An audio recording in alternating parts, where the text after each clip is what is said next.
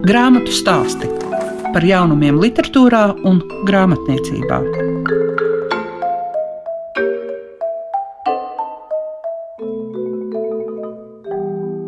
Aprīlī grāmatu stāstos vēstām par Latvijas nominantiem, un šodien es, Liega Piešiņa, vairāk pievērsīšu uzmanību dzējas nominantiem.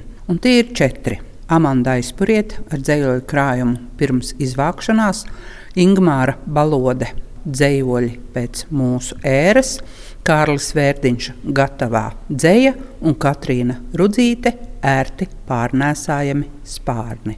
Liela dažādība un iesaistīsim arī ekspertus. Vispirms varēsiet dzirdēt Ingūnu Daugsti Silasproģi, kas ir literatūra zinātniece.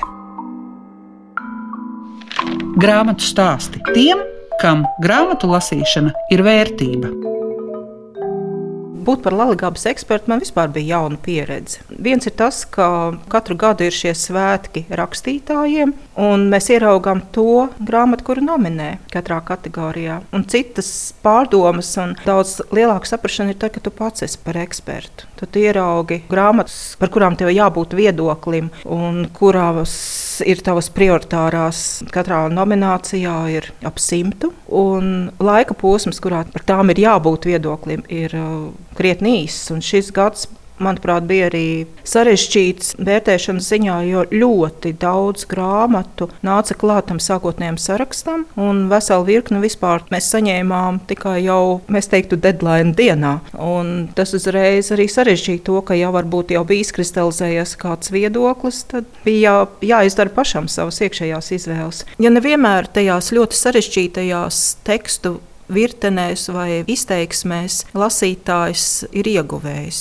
Reizēm arī ir nepieciešamība pēc kaut kā varbūt vienkāršāka, bet kaut kā sajūtā, ka tu notici ar autoram un ka tu esi tajā sajūtās ar viņu uz vienu viļņu. Un šeit man bija tā sajūta. Kaut arī mēs pazīstam Amandu aizpuriet un zinām daudzus viņas krājumus un dzīves, dažādus pagriezienus, bet šis dzējoļu krājums kaut arī tajā ir daudz, varētu teikt, beigu sajūtas vai uh, fatalitātes, kas faktiski ir tas pats. Bet tomēr es tajā arī saskatu tādu cerību. Un tieši tāpēc man ļoti gribētos, lai dzēniece turpina rakstīt. Jo viņā ir kaut kas atšķirīgs, jo arī šajā dzīslu krājumā ir kaut kas no tās amants aizpūrietas, kuru mēs jau zinām. Bet, protams, ka laiks, notikumi, vieta, vide, jā, arī dažādas aiziešanas atstāja arī tos nospiedumus. Tie arī nu, neizbēgami ir tajā dzējā. Bet lasot šo dzēju, tomēr nav tāda nomāktības sajūta. Un tāpēc nu, tiešām gribētos cerēt, ka dzēja turpināsies arī Amandas aizpārietas ceļojos. Ka ir ļoti liela dažādība. Jo gal galā jau viens ir tas, ko mēs kā žūrija šajā gadā izlemjam, bet Otrs ir tas, lai tam grāmatām ir lasītāji, jo būs daudzveidīgāks tas piedāvājums un klāsts un augstvērtīgāks.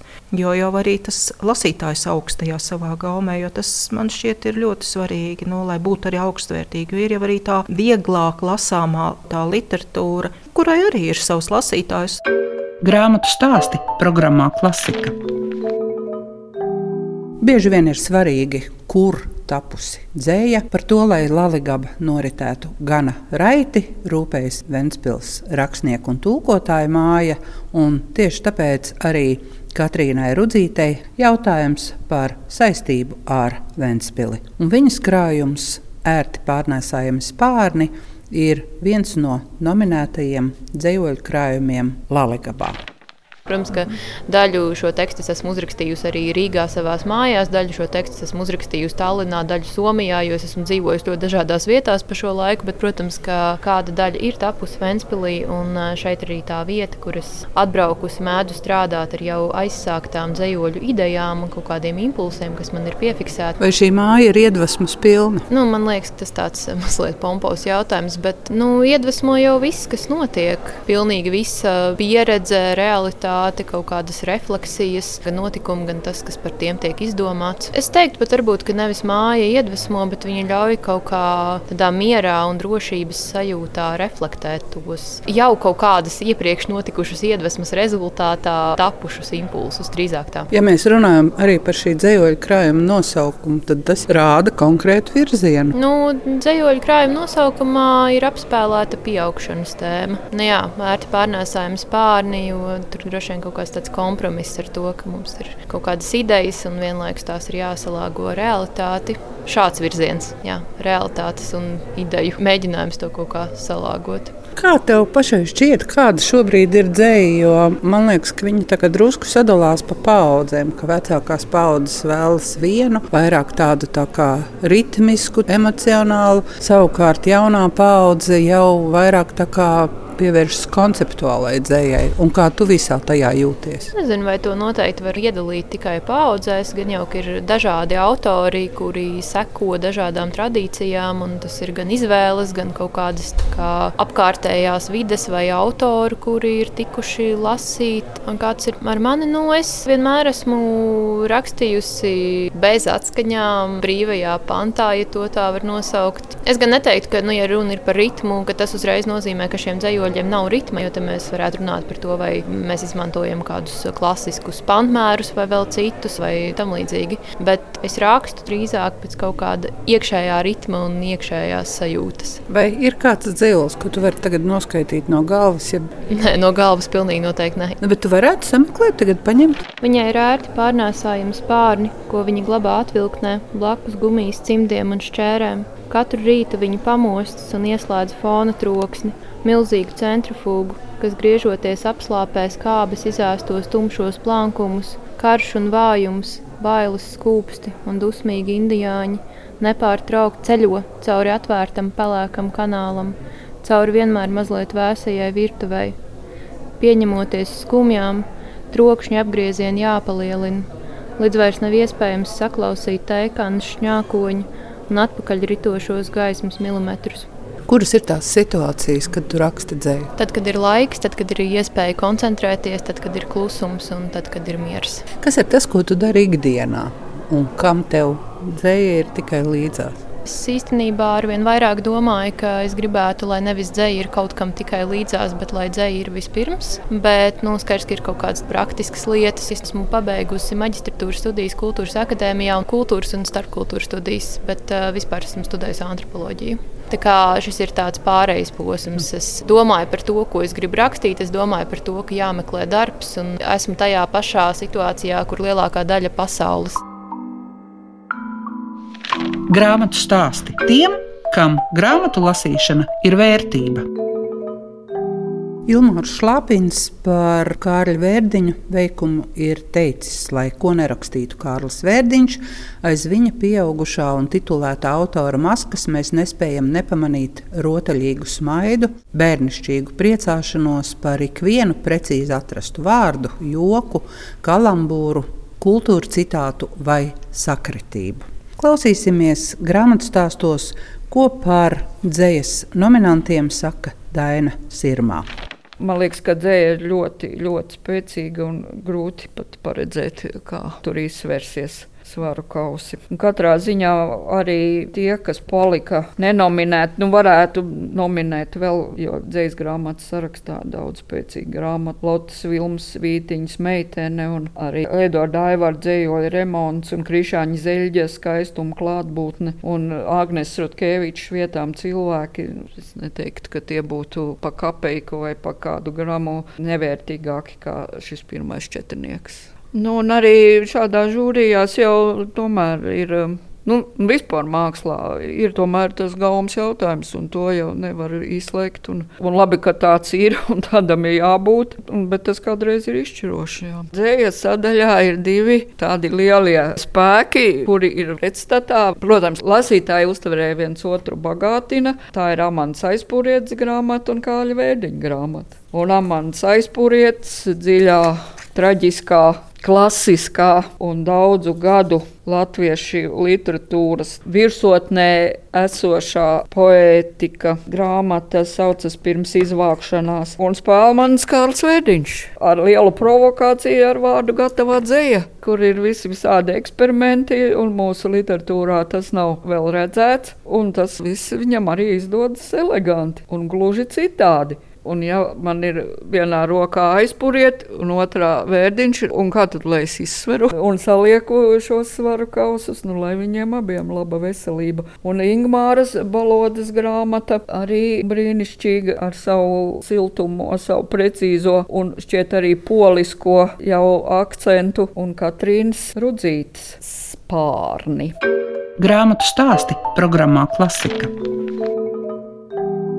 Ja pievēršamies Ingūrai Balodai, kas ir dzēniece un tulkotāja, tad jāatgādina, ka viņa Latvijas literatūras gada balvu ir saņēmusi par abiem līdz šim iznākušajiem dzīslu krājumiem, ledenis, ar kurām var sagriezt mēli, un alba. Un tas man arī pamudināja arhīvos atrast kādu Ingūras Balodes stāstījumu par albu. Šī saņēma Lālagabu. Es esmu par to ļoti pateicīga. Man liekas, man tas kādu laiku ir turējis tādu, tādu sajūtu, ka tas ir kādam vajadzīgs. Protams, ka balvas nav tas, kas apzīmē, kam tu esi vajadzīgs. Bet tajos brīžos, kad liekas, ka tu esi lēvurs, kā teikt, Belšvits, un neko dzīvē nemāki, tad tas palīdz. Un te būs viens dzīslis, kurš faktiski ieskanējās man galvā Krakovā, un kurš savā ziņā Krakovā ir noklausīts. It kā tas ir mans, bet kaut kur es viņu tur izcēlu no lapotnes. Duske Sankfinmeinhards, Karstens Trojka, tāds dziedātājs un šī dziesmiņa uzreiz ieskanās tā klezmera ritmā šeit dzējoļa sākumā. Jēziņ tikai ne vārdus dzied vai sirdī. Pagalmā ar diviem jauniem hasīdiem, kas ir vienīgie ļaudis, kur mēlis nesaprotu, ķirši, tikai ne vārdu ķirši. Nogatavojās, kamēr es skatījos tevi un smējos. Krakovu atstājot, vienmēr ir jāraud, tikai ne vārdu raudāt. Koks ārā kafejnīcā ir tik liels, Tātad iespējams tas ziedēja 60. gadu vasarās. Kāds uz to aizbraucot, paskatījās, kāds atbraucot, pamanīja. Mājas ir tukšas, kā redzams.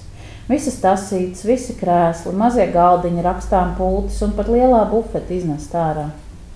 Nopietnas lapas šūpojas pāri galdam starp dieva miesas un rabīnu maize lielu. Kas manā sirdī dzied? Tas akordeonists, ko todien smiedamies negribējām klausīties. Grāmatu stāsti tiem, kam grāmatu lasīšana ir vērtība.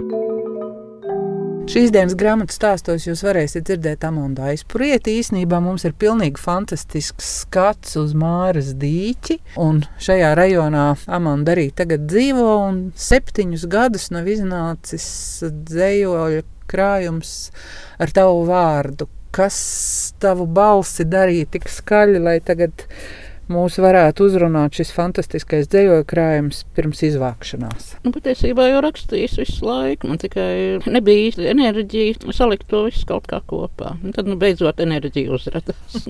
nu, tad izstāstīja, jo struktūra tur ir tāda, ka vajag pasakot. Nu, vispār varētu teikt, ka tur ir apvienoti divi dzīslu krājumi. Tāpēc arī viņi ir tik biezi. Man kādreiz gribējās izdot atsevišķu grāmatu ar mīlestības dzīsloļiem, bet tas projekts kaut kur pazūd.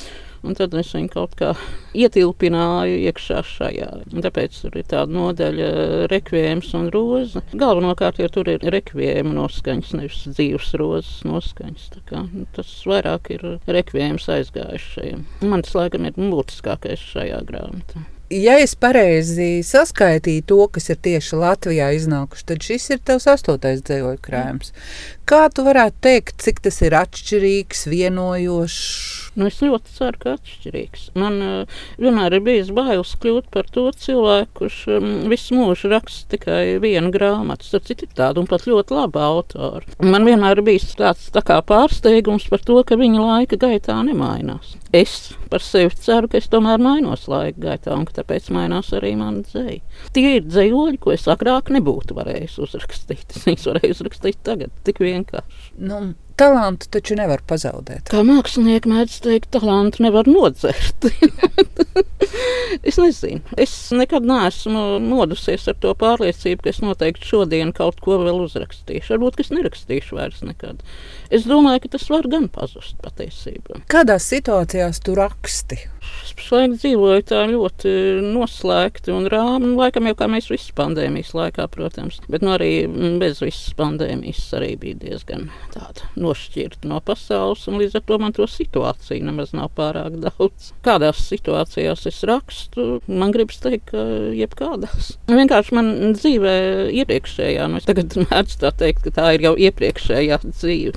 Tajā iepriekšējā dzīvē ir noticis tik daudz viss, kā tagad man būtībā pietiek ar atmiņām. Viņas jau atkal var palikt dzīves, un es atkal esmu viņās, tad es tādu tur savā atmiņu esamībā rakstu. Amanda, tu vienmēr esi pratus lasīt ne tikai savus, bet arī citu dzējoļus un darīt to tik emocionāli un uzrunājoši.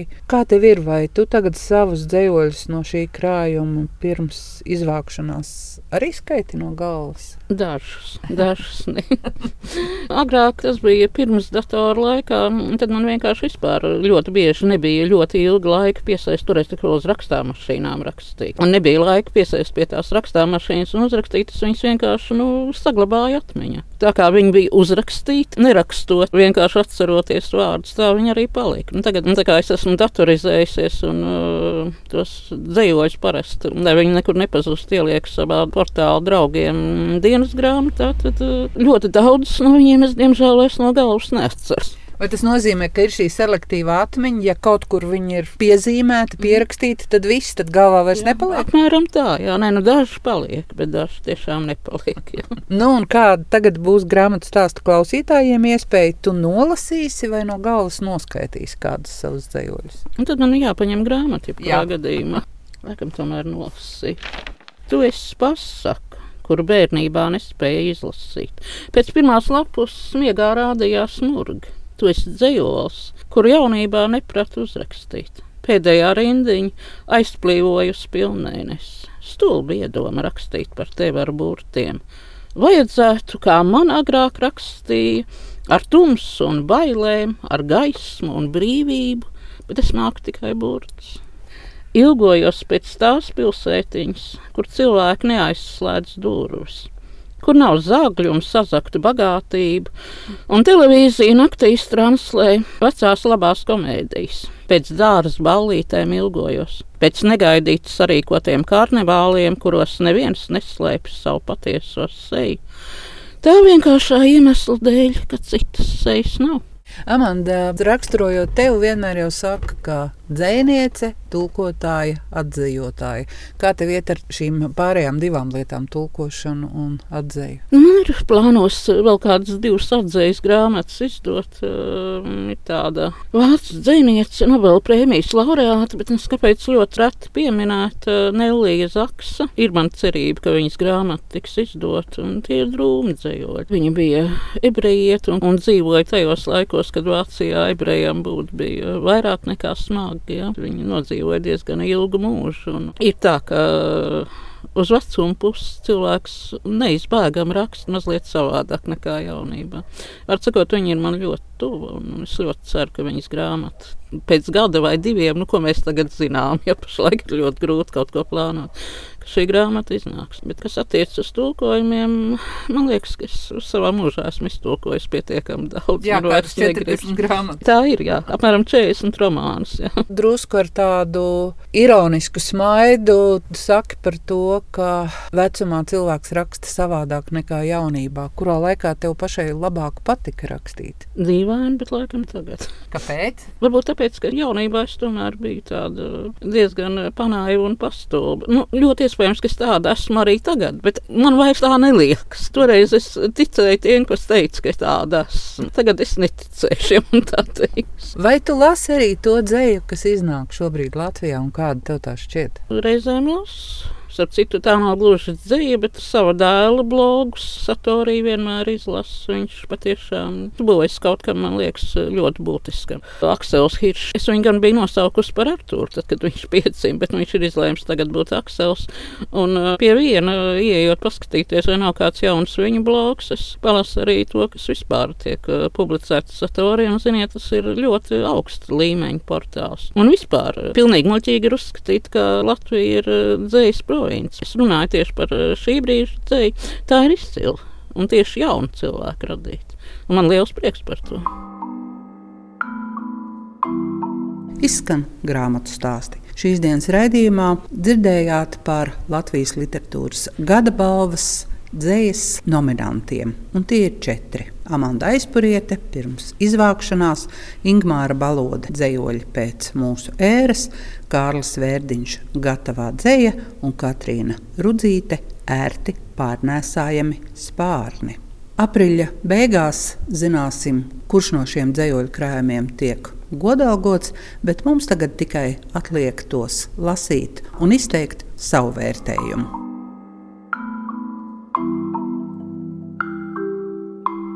Grāmatu stāsti par jaunumiem literatūrā un grāmatniecībā ik trešdien, 9.5.